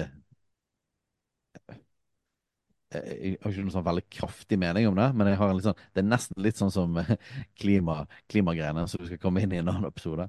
At, eh, at jeg har en sånn både-og-feeling. da, At på den ene siden så tror jeg det virkelig er noe sant og noe riktig og vitenskapelig der som jeg tror på. Og så på andre siden så føles det som at eh, drar vi det litt langt her. Eh, så, og på dra det litt langt siden så er det sånn at når det blir sånn voldsomt Ja, det er sånne millioner og milliarder og så og så mange så bare sånn, det, er det, det er litt sånn teorier på teorier på teorier oppå hverandre, og utrolig sånne vage eh, ting man går etter når man skal fastsette alder på ting. Eh, og betyr det at det er helt feil? Nei, nei, det mener ikke jeg. Eh, det bare oppleves veldig utfordrende og merkelig. Eh, ja, apropos skråsikkerheten som vi ble anklaget for, så syns jeg det oppleves merkelig skråsikkert denne gangen på hvordan man tidfester ting. Mm. Eh, når, når vi bruker så mange tall at det blir sånn fantasillioner og liksom Onkel Skrues pengebingegreier, og, og, og det blir vanskelig å forholde seg til det. Men finnes det tidsregning bakover? Og da kommer vi til det spørsmålet er jorden 6000 eller 7000 år gammel? Hvis vi da regner skapelsen som seks dager, og så på en måte følger på en måte litt sånn av menneskets historie og teller gjennom slekter og sånn, så kommer man til noe sånn som Mm. det er, liksom. Mm. Um? Og, da, og så har jeg hørt noen som som sagt at ja, kanskje Gud skapte jorden eh, ferdig. Eh, si, ferdig med lag og olje og alt mulig. Eh, det er en teori, har jeg hørt. Og så er det noe som du tenker da, var, apropos det som du var inne på, at i tiden før skapelsen av mennesket, så eh, snakker vi millioner og billioner av år. Mm. Med dyr og planter og helt fra jorden var øde og tom og liksom masse greier der. Og så skaper Gud mennesket på en måte på et eller annet tidspunkt etter det. da. Ja, og sånt det her, det er jo bare det er jo synsing til tusen. Eh, Men, eh, men sånt, selvfølgelig, og da er jeg litt sånn tilbake til at selvfølgelig så kan Gud ha valgt å skape jorda, og så la jorda være i millioner av år, og så putte mennesket inn etter hvert. Altså, Gud kan selvfølgelig ha valgt å gjøre det på den måten. Eh, Det, det ser ikke helt sånn ut, men altså, mitt poeng er bare sånn Han kan ha valgt det på den måten. Eh. Hvis, hvis, en tenker at det er litt mer symbolsk da, i, i de ulike dagene, og sånn, at en kan tenke at det er ulike epoker osv. osv. En kan, om en vil, kan tenke at hver dag er en million år, om en vil. Sånn En kan tenke det uten at det i seg sjøl trenger å ha noen dramatiske konsekvenser for, uh, for eh, Hva skal jeg si? For hva han tenker om, uh, om Gud og Bibelens troverdighet eh, videre. da. Så jeg er åpen for at, kan, at eh, kristne kan lande på ulike ting der, men som du påpekte så bra tidligere her, så må vi iallfall forsøke å være litt konsistente i måten vi tenker på, og være litt obs på om vi legger oss på eh, et resonnement som fører, som fører litt galt av sted. og Da er vi tilbake til det som vi ofte sier, premissene som ligger under. Så må vi bare tenke litt gjennom hva er det vi egentlig tror på. Ja, og da er vi jo tilbake til grunnen til at vi snakker om Darwin. Fordi at det var jo nettopp det som skjedde, da. At denne teorien ble jo en, da, en, en eh, granat inn i forståelsen av skapelsesfortellingen. Og da at man begynte å stille spørsmål med hele pakken, rett og slett. Mm. Eh, At ingenting av dette der kunne være riktig, og at, at man da på en måte avviste Gud som en skaper. Det er jo klart Man har, vil jo ikke Vitenskapen, naturvitenskapen har jo uansett ingen forklaring på livets opprinnelse. Selv om Selv om det skulle vært en utvikling, så på en måte, hvordan ble det satt i gang? Og da kommer vi tilbake til Big Bang-teorien, som i seg selv heller ikke forklarer noen ting. Kom den ut av ingenting? Hva var før det? Og da er vi inne i sånn her eh, dyp filosofi som man blir jo nesten kvalm av å, å tenke på. Og det, alle som har hatt barn, så de begynner jo å spørre om det der. Mhm. Eh, og som voksne så bare lærer man det bare sånn OK, det der bare lar vi ligge, for nå er vi kommet til enden av vår forståelse. Og det er den klassiske. Hva var før dette? Gud, han har vært for evig. Mm. OK? Men så er det så vanskelig å forstå, forstå evighet. Det, det bare, Da blir vi litt sånn der eh, forvirret. Og så hvis vi sier ja, men OK, la oss si at det ikke var evighet, da. La oss si at det var, det var ikke evighet, Gud har ikke vært for evig, men det startet på et tidspunkt. Da er jo det neste spørsmålet om ja, men hva var før det? Mm. Eh, og det samme kommer ser universets størrelse. Eh, er det sånn at universet stadig utvider seg? Eh, så universet har da en grense? Eller er universet, uendelig? Eh, men hvis det ikke er uendelig, og du har en grense, hva er da utenfor der igjen? Altså, basically, vi, kom, vi får aldri svar på disse tingene. Og, og egentlig et spørsmål om Guds eksistens, liksom helt uavhengig av utviklingslæren, blir på en måte et ubesvart spørsmål som heller ikke vitenskapen kan egentlig si noen ting om. Ja, og, altså, og i forhold til Big Bang så har jeg igjen litt sånn eh, Kanskje tar jeg lett på det, men, men det er litt sånn altså, Om Gud valgte å skape gjennom Big Bang, så er det helt greit, det. Det, det, det i seg sjøl altså, Om det var måten han satte jorda sammen på, liksom. Så OK, da, Mm. da var det måten han gjorde det på, da. Det, har ikke peiling, jeg. Men det, det, Jeg vet i hvert fall at Hvis jeg skulle skapt, så hadde jeg syntes det var kult å begynne med et Big Bang. det, det er veldig kult å begynne med et stort smell. Men, men eh, og så, jeg, jeg har begrensa innsikt i fysikk og sånn, men det er vel Noen, Noen lyttere får, får ta meg på det her. Men, men eh, det er vel eh, Det er vel noen sånne, noen sånne fysiske prinsipper om at Um, du får ikke bevegelse uten en eh, ja, det- Nå finner jeg ikke riktig ordene på det, sant? men altså uten at det er en, en kraft. Det finnes en bedre måte å formulere det her på. Men eh, prinsippet er jo det altså at skal du ha en bevegelse, så må det være en ting som har satt i gang bevegelsen. Så du får ikke en bevegelse ut fra intet. Eh, Så du får Mm. ikke energi ut av intet. Så det å få en sånn eksplosjon, den kan ikke rent sånn eh, i fysikken komme ut av intet. Det går ikke. Så kraften til den eksplosjonen altså Ting må ha kommet fra et sted. Sånn er det i fysikken. Så hvis en tror på fysikken, så kan en ikke tro at, at Big Bang kom fra intet. Big Bang må jo ha kommet fra et eller annet. Og så igjen, nå er vi på tynn ursuppe her, det er vi. Men Ja, det er bare sånn det er blitt bare, et nytt begrep. her kommer vi til å bruke. Tynn jordsuppe.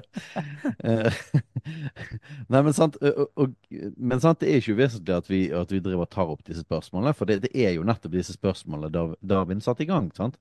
og som får konsekvenser inn i vår tid. Og, og det er jo dype og viktige spørsmål. Selv om vi ikke ingen av oss vet nøyaktig hvordan dette skjedde, så er det på en måte, det handler jo mye mer om sant? Er vi verdifulle? Har vi en mening?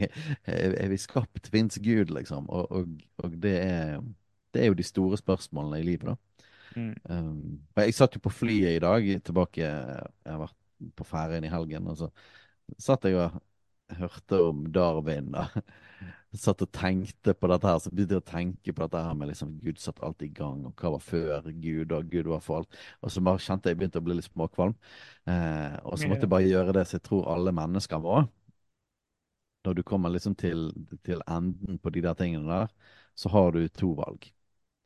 Um, og det er at du kan enten bøye deg for Gud og si det at eh, jeg, jeg forstår ikke, men jeg tror, jeg tror på deg.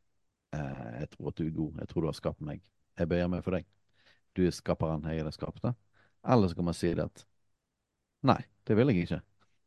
Mm. Jeg stoler på min egen forstand, og jeg er på en måte et, jeg er et selvstendig individ her, og jeg vil finne ut av disse tingene sjøl. Eh, men du kommer uansett ned til tro, og det blir, en sånn, det blir tro, og det blir hjerte. Eh, og, og, og, og det er der på en måte den kristne tro begynner. Eh, At vi, vi er overbevist om at Gud fins, og han har skapt, og han har en hensikt med oss. Og vi bøyer oss for det. Og vi tror at det er det beste for et menneske. Um, og at alt annet vil være kaos. Uh, og så kan man velge da å gjøre noe annet, men man vil ikke ha noe bedre grunnlag å stå på. Eh, Man vil ikke ha noe man, man man vil ikke kunne argumentere kraftigere for at Gud ikke fins og ikke skapte, enn for oss Mm. som sier at vi tror Gud skapte. Så, så der kommer vi liksom, hvis vi er ærlige, så kommer vi bare til enden der. Ja, jeg er egentlig enig i det. ja. Skal vi hoppe inn i sosialdarwinismen mer? For vi, det, det er jo en ja, spennende ting. vi, vi, vi må nesten. Har vi, vi har allerede hoppa en time, så vi må nesten bevege oss litt inn i det. Og det er, det er jo ulike meninger om hvor eh, hvor riktig det er å koble på en måte sosialdarwinismen til Darwin, og noen vil hevde at det er en, eh, det er en misforstått avledning fra darwinismen osv. Ja, blant annet ChatGPT mener du? Blant annet, men jeg har hørt andre som påstår det, òg, sikkert den som Ja, ja, ja. ChatGPT.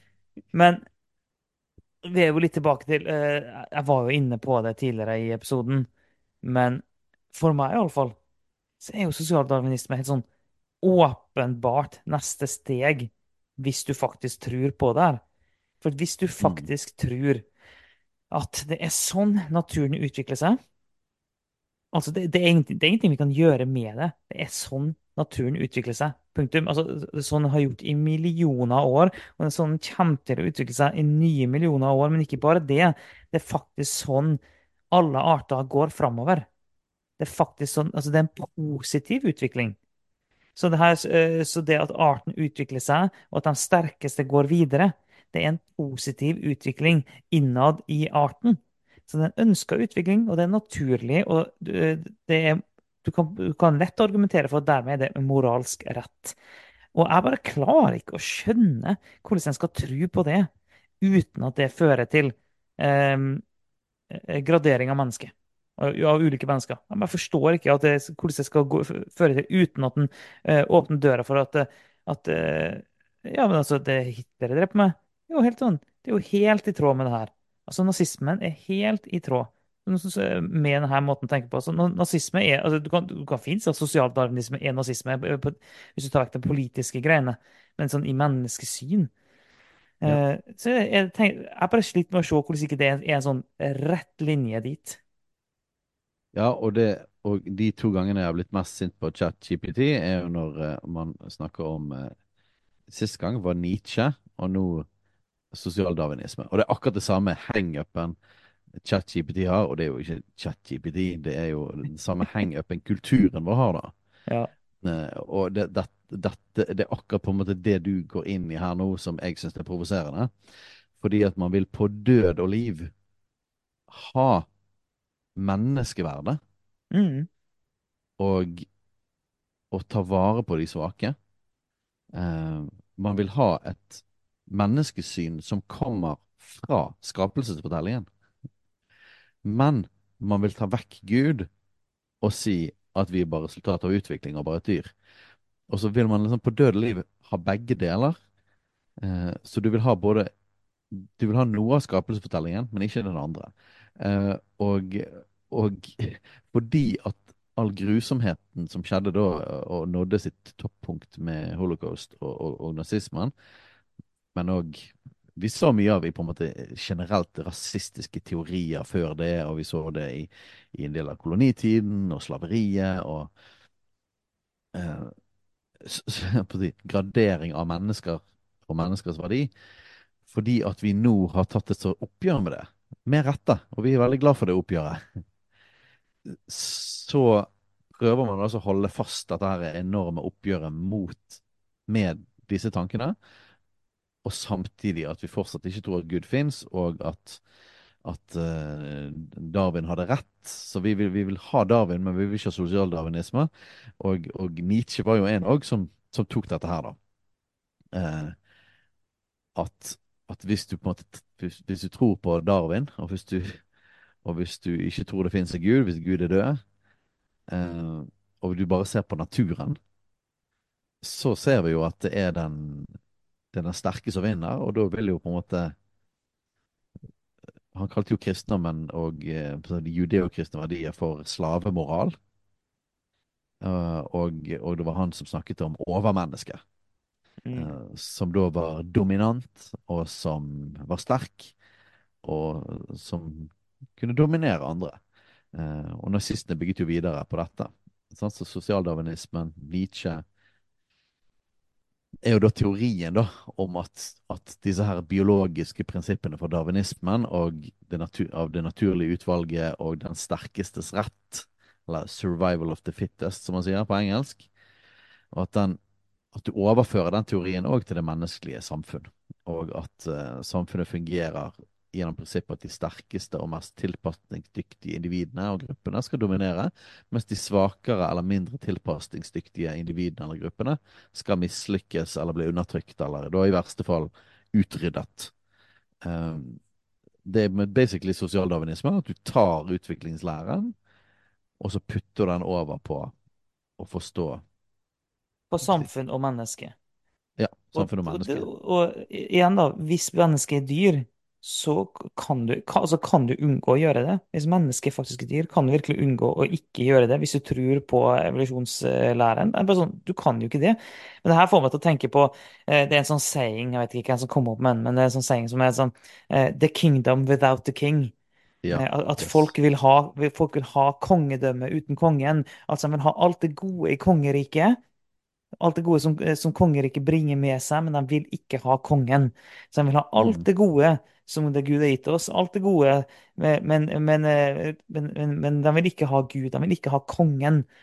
Og det, jeg synes det, er sånn, det, det er et veldig godt bilde på samfunnet vårt i dag. da. Så de prøver desperat å ta alt det gode en har fått eh, i det her kongedømmet, men kongen han prøver å kicke ut. da.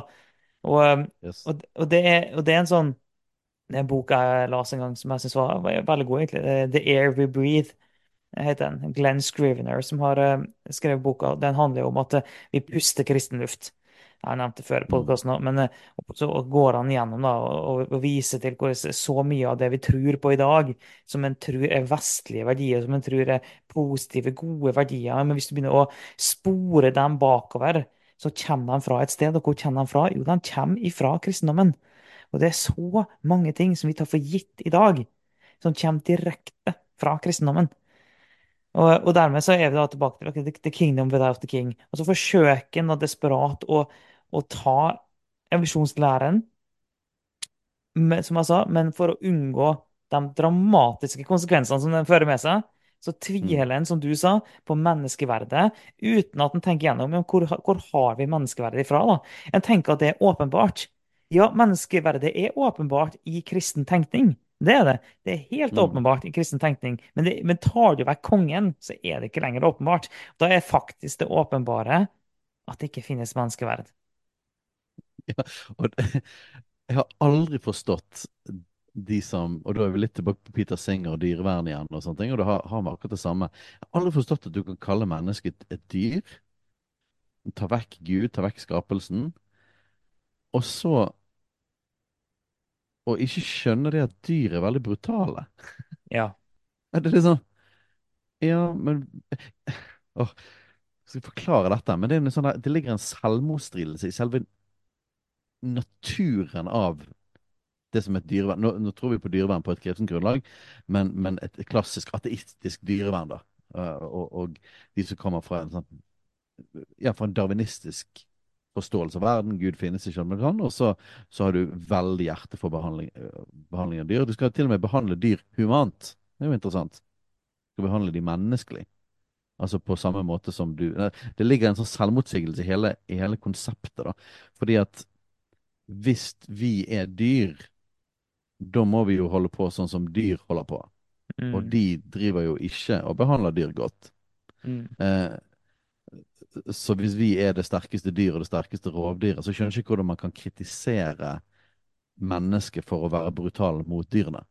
mm, Eh, Da er det er jo bare Da er vi jo bare som dyrene. mm, Eh, Så for meg så på en måte ligger hele, hele premisset for dyrevern er jo nettopp at dyr og mennesker er forskjellige, og at vi, Gud, har skapt dyrene, og derfor har de en verdi. Og vi er spesielle, og derfor kan vi ta vare på dem. Vi er sterke, og vi kan ta vare på dem. For at de sterke skal ikke undertrykke de svake, de sterke skal beskytte de svake. Så det, er fullt av kristne premisser. Eh, og, og, man ser dyrevern på den, på den måten. Eh, og så tar man vekk Gud. Og jeg, jeg, forstår ikke, jeg forstår ikke hele konseptet engang. For at er vi dyr, og vi er det heftigste, sterkeste eh, rovdyret som er på planeten, så må vi jo kunne holde på sånn som det. Både Mm. mot dyrene og mot andre mennesker. Mm. Eh, og, og utvikler vi oss til Har vi utviklet oss fra dyrene, så og, og evolusjonsteorien sier det at det kan være forskjellige grener av menneskelig utvikling, ja, da vil det jo være helt naturlig at uh, forskjellige hudfarger og forskjellige fysiske attributter i, i mennesker er på grunn av at vi er da forskjellige, kan du si, linjer da, av, av menneskets utvikling. Og da ligger det i sakens natur at noen av de kan da være bedre enn andre. eh, Og kommet lenger enn andre. Ja, Eh, og, og da er det også sånn at, eh, at da er Hvis, hvis, hvis mennesket er dyr, så er, bør det jo være helt uh, innafor, da. Og uh, hvis du føder et barn som er, er, har miste, kraftige misdannelser, så da bør det egentlig være en selvfølge at det barnet det, bare kvitter du deg med. Eh, For det, det vil ikke kunne yte noen ting eh, når det vokser opp, og du må bare passe på det. Så det vil være en, og det vil være direkte feil i, i, mot din egen art å prøve å bringe det videre på noe vis. Eh, Du må egentlig bare gå videre og, prøve å, å, å få, få, det, få, få en bedre unge. Altså, det er sånn, det er jo ingen som tenker at det er greit å gjøre med mennesker. Men mm. ikke driver på på den måten der. Men mennesker gjør ikke det. Så Hvorfor gjør ikke mennesker det, da? Jo, det er jo en grunn til det. Det er en grunn til at mennesker ikke driver på på den måten. Og jeg må, jeg må, jeg må spørre seg, men hvor har han det ifra, da? At det der er, det er galt å holde på sånn. Og hvor har han en mening om hva det er som er rett? Og jeg har jo nevnt flere ganger at jeg liker å se på naturfilmer og sånt. Så det her. Og jeg prøver å få ungene til å se på det, for jeg elsket å se på det da jeg var barn. Mm. Men, men de syns det er så vanskelig, for de er vokst opp i en kanskje enda mykere verden Og jeg eh, den syns det er så er. brutalt. De syns det er så brutalt. Og nå har du til og med eh, naturfilmene nå, de, de eh, sensurerer selve drapet. Det er sant? Hæ? Al- Alle naturfilmer. Nei, Ja. gjør han det? Du, jo, jo. Nå, eh, nå ser du løven jakter en gnu, eh, hopper opp på gnuen, og så eh, kutt, og så legger de eh, gnuen nede, og så spiser de den. Og før fikk du se hele kvelingen og kampen og Så du, du, du får ikke se sjølve drapet? Nei. Du får se liksom rett, Ja, eh, ja, rett ja. før og rett etter. Uh, og det er helt konsekvent. Og vi så, jeg prøvde å få, få noen i Jeg tror det var julen. Det var så koselig å se på. Det kom noen nye naturgreier på en eller annen kanal. Jeg husker ikke hva det var. Det fantastiske bilder. Og så var det en sånn isbjørn isbjørnmor med sine to unger som jeg fulgte. sant? Ja. Og så var den ene ungen svakere. sant? Og det er jo Mm. hjerteskjærende. Klart det er Ja. ja, Ja, Det er jo, det er jo skikkelig tøft. Og så følger de de, sant? og så ser du at å nei. Så venter hun bitte litt, hjelper litt, men altså, du, så ser du at uh, moren må bare tenke at uh, vel, hvis han uh, Han må bare skjerpe seg, han. Han får bare Mm. prøve å karre til seg, og så prøve å følge etter. Vi må, vi må overleve. Mm. Eh, og hvis han dør, så dør han. Mm. Ser du de bare klatre opp sånn her i fjellet, og så sliter den og detter ned, og du bare sånn Å, du får så vondt, sant? Så ender det selvfølgelig med at den dør. sant? Og, og ørner, sant, med den to Den som klekkes først ut, eller den som får mest tak i mat, sant? det blir den sterke ørnungen, som Mm. alltid fører til at en blir bare svakere og svakere, en blir sterkere og sterkere, og så blir han hakket i hæl eller skubbet ut av reiret av sin eh, bror eller søster. Så det er jo superbrutalt. Ja, det er så brutalt. Eh, og, eh, og utrolig spennende å se på. Men det er bare sånn Men igjen, sosialdarwinismen. Det er basically å si sånn er naturen. Mm. Eh, og vi er en del av naturen. Vi er et dyr. Og da er det helt logisk at det skal være sånn. Og faktisk, hvis verdien Og hvis du skal finne noe verdi liksom, i darwinismen, så må det være på en måte artens fortsatte utvikling, eller artens overlevelse. Eh, må jo være da et mål. Livets overlevelse. Og da må det bare være sånn. Selv om det er hardt og brutalt, at det sterkeste vinner. Og da må det svake lukes ut, rett og slett. Eh, så sosialdarwinismen er logisk, rett og slett. Ja, og eh, nå, det- nå, nå står i fare for å kaste en, eh, ikke bare en brannfakkel, men kanskje en brannbombe, muligens. Men, men Og jeg mener, jeg, det, det, mener virkelig ikke å være ufin med det her. Men, men det, det er mer sånn Jeg vil at folk skal tenke på det, fordi veldig liberale og progressive mennesker som tror at, det henger, at verden henger sammen på denne måten her, bør tenke seg litt om. For denne måten å tenke verden på betyr i praksis at, eh, at eh, eh, for eksempel da så vil homofili være Det vil jo være en evolusjonistisk katastrofe. Mm. Altså i, i tråd med evolusjonsteorien så vil det altså og det at den ikke kan bringe arten videre, er jo den desidert største katastrofen for en art. Det er absolutt ingenting som er verre enn at den ikke kan bringe arten videre. Det er det ikke. Altså, det er dødende for arten. Så hvis en tenker på den måten her, så, den, så er en jo egentlig tvungen til å tenke at, eh, at eh, noen som er, da er tiltrukket av det samme kjønn, det er en evolusjonistisk katastrofe.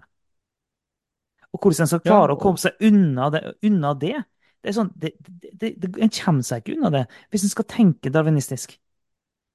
og derav Hitlers konsentrasjonslære, Mm, som puttet homofile i konsentrasjonsleirer. Man puttet eh, funksjonshemmede, eh, og man hadde da en rangering av forskjellige raser i hermetegnet. Vi, vi tror ikke ja. på raser, vi tror på Det fins én rase, og det er menneskeheten. Vi liker ikke ordet rase i det hele tatt, men vi er mennesker skapt av Gud i hans bilde, og vi er noe annet enn dyrene. Eh, Men, men det er liksom det er utrolig viktig å holde? For hvis, du, hvis du går vekk fra den biten der, da ender du i det hullet som du, du Ja, altså, hvis du tar vekk Gud, og du, og du sier at mennesket er dyr, så, så er det der du havner. Da, da er det helt umulig for deg å prøve, prøve å argumentere for noen sånne homofiles rettigheter eller et eller annet sånt. Det går ikke. Eh, og, men hvis du da tenker at ja, det finnes en Gud, og så tror vi på, på at det, det er forskjell på å være eh, eh, født og skapt eh, sånn. Det, det har vært en debatt i siste om det der, og vi skal ikke gå langt inn i det nå. Men jeg syns Espen Ottosen egentlig har svart ganske bra på det, på det der med at som kristen så tror vi det at det, at du har blitt født på, på en spesifikk måte, betyr ikke nødvendigvis at det er sånn Gud har skapt deg. Bare sånn, Det at du er født med en misdannelse, betyr ikke at du er skapt med en misdannelse. At det er Mm, eh, mm. Gud har i utgangspunktet Guds, Guds vilje eller Guds ja, altså Gud har i utgangspunktet skapt alle mennesker med to armer, men om et menneske blir, blir, født med én arm, så betyr ikke, så, så er, betyr ikke det at det var sånn Gud skapte det mennesket. Eh, så det mener jeg er ganske sånn innafor for en kristen å tenke, da. Um, men, eh, men, vi, og, og, men med et eh, kristent verdensbilde og et kristent menneskesyn, så, så kan vi, eh, kan vi beskytte homofile. Selv om vi Ja. mener at, eh, at eh, ekteskapet er bare mellom mann og kvinne, og seksuallivet hører bare til innenfor rammene av ekteskapet, selv om vi mener det, så kan vi eh, med et kristent verdensbilde beskytte og ta vare på homofile mennesker likevel. Men har du et, men et darwinistisk verdensbilde, så kan du egentlig ikke det. Ja, og så, så den kristne forståelsen er på grunn av menneskeverdet, og så er det til og med understreket veldig sånn spesifikt gjennom hele Bibelen, så skal vi, så skal vi ta vare på, ikke bare ta vare på alle mennesker, men vi skal spesielt ta vare på de svake. Mm. Og det er jo på en måte anti-darwinistisk. Det, det, det, Altså, det er anti-evolusjon å, ta- Ja. å ta vare på den svake. Det er jo faktisk det. Det er antievolusjon, det. ja, det gir faktisk, det gir, gir ingen mening. Nei. Og apropos dyreting som man ser på, men eh, det, så får det bli, da. Um, så meg og Katrine, da, vi ser på et program som heter Dyrepasserne, Mm. eh, som er Kristiansand dyrepark. Og så igjen får du se alle disse her sånn brutale mekanismene med, med hos dyr, og det er jo det er tøft å være dyr, da. Det er mye, det blir, det er mye død, for å si det sånn. Mm. Av skader og alt mulig, og selvfølgelig at man spiser hverandre og Ja, anyway. Eh, når dyr blir utstøtt av flokken, for det skjer jo jevnlig, da. Ser, ser ofte det på den eh, serien der, at da er det plutselig en eller annen ape eller en eller annen, de er blitt utstøtt. Og så lurer man på hvorfor blir de utstøtt, hva er greia der, hvorfor, hva er greien? Men da er jo de helt forferdelig brutale med dem, sant. Eh, så en ulv, for eksempel, som bare av en eller annen grunn, så Alfa-mammaen hadde fått nytt kull. En ulveflokk er jo da flere generasjoner med, fra samme foreldre. Eh, og så hadde hun fått et nytt kull, og da eh, var det eldste, sterkeste eh, sønn. Så var han liksom nest, nest personen. hadde da tydeligvis eh, mamma og pappa ulv funnet ut at han må vi ta livet av.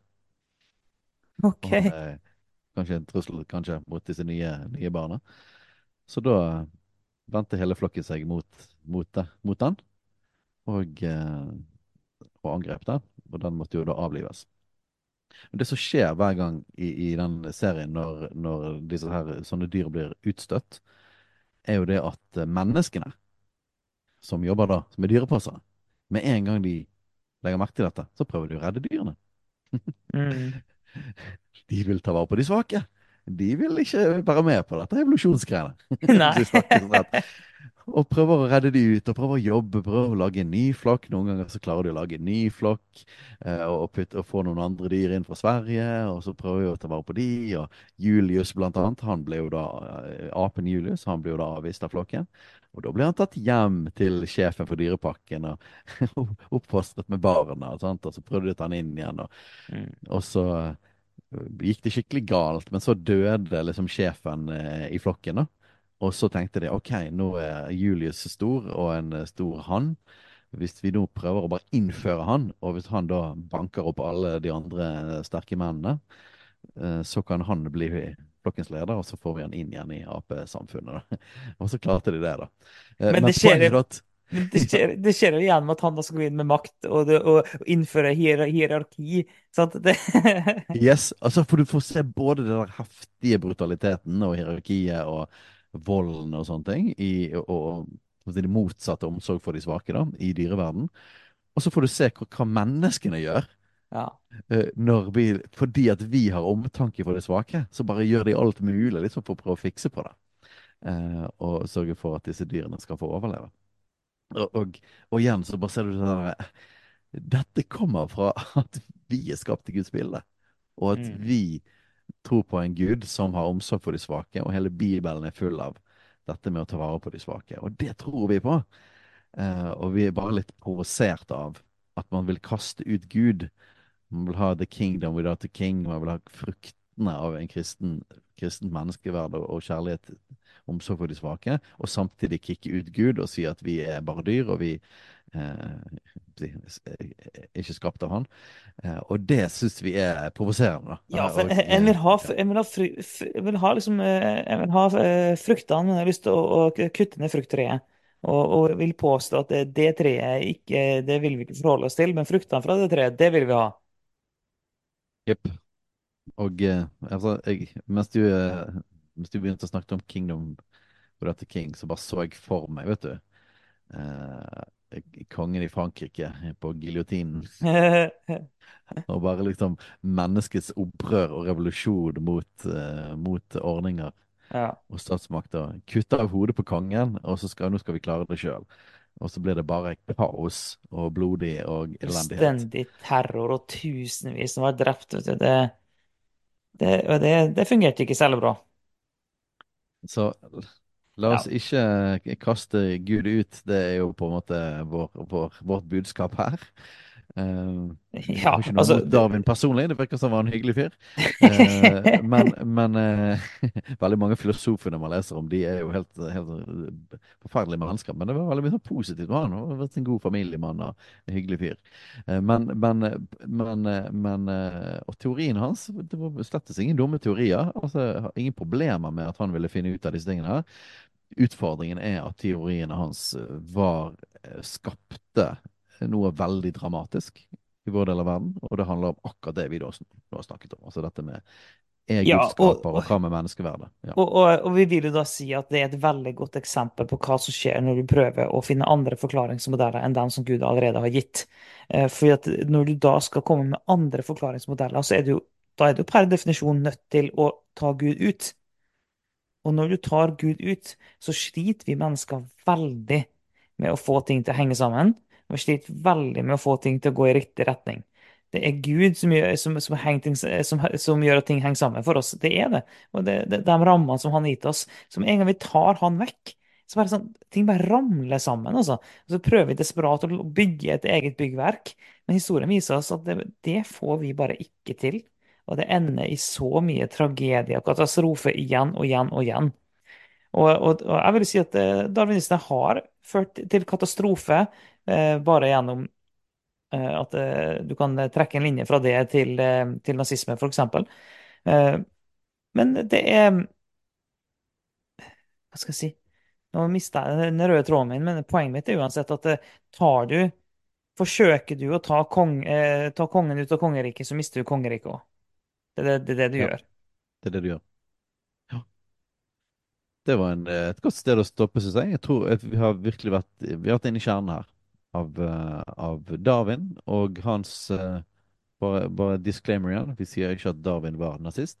Vi bare sier det at eh, den måten å tenke på, og du tar Gud ut, og at vi er et dyr, og alt utvikling av den sterke- sterkestes rett, det får seriøse konsekvenser. Og det er noe vi må ta inn over oss, og vi kan ikke bare late som at Nei, eh, vi ikke kan det ikke at, at ikke det, det er logiske på en måte videreføringen der måte å tenke på, og vi kan ikke late som at vi bare hadde hatt de, disse gode verdiene med, med, med nestekjærlighet og omsorg, hvis det ikke var for menneskeverdet som kommer fra skapelsesfortellingen og Bibelen. Og jeg vet at vi har sagt det mange, mange ganger, så folk er sikkert lei av å høre på det, men det er bare en kjensgjerning at premissene som ligger under, fører til konklusjonen. Det er bare sånn det er. Altså, det er sånn verden henger sammen. Det som ligger under, altså, det det som det leder til helt spesifikke konklusjoner. Derfor er det så ekstremt viktig at vi tenker gjennom hva er, det, hva er premissene som ligger under for måten vi tenker på. Ok, vi kommer, vi kommer aldri til å slutte å nevne det, det tipper jeg, så lenge denne podkasten her lever. Men det er helt greit. Det er vårt Mm, refreng. det er det. Så yes, det var episode om eh, Darwin og darwinisme og sosialdarwinisme. Så vi snakkes neste uke for en ny episode.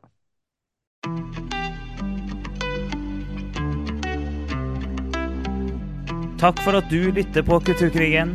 Om du har tilbakemeldinger, spørsmål, hva som helst egentlig, send inn til post alfakrøll kulturkrigen.no eller på sosiale medier.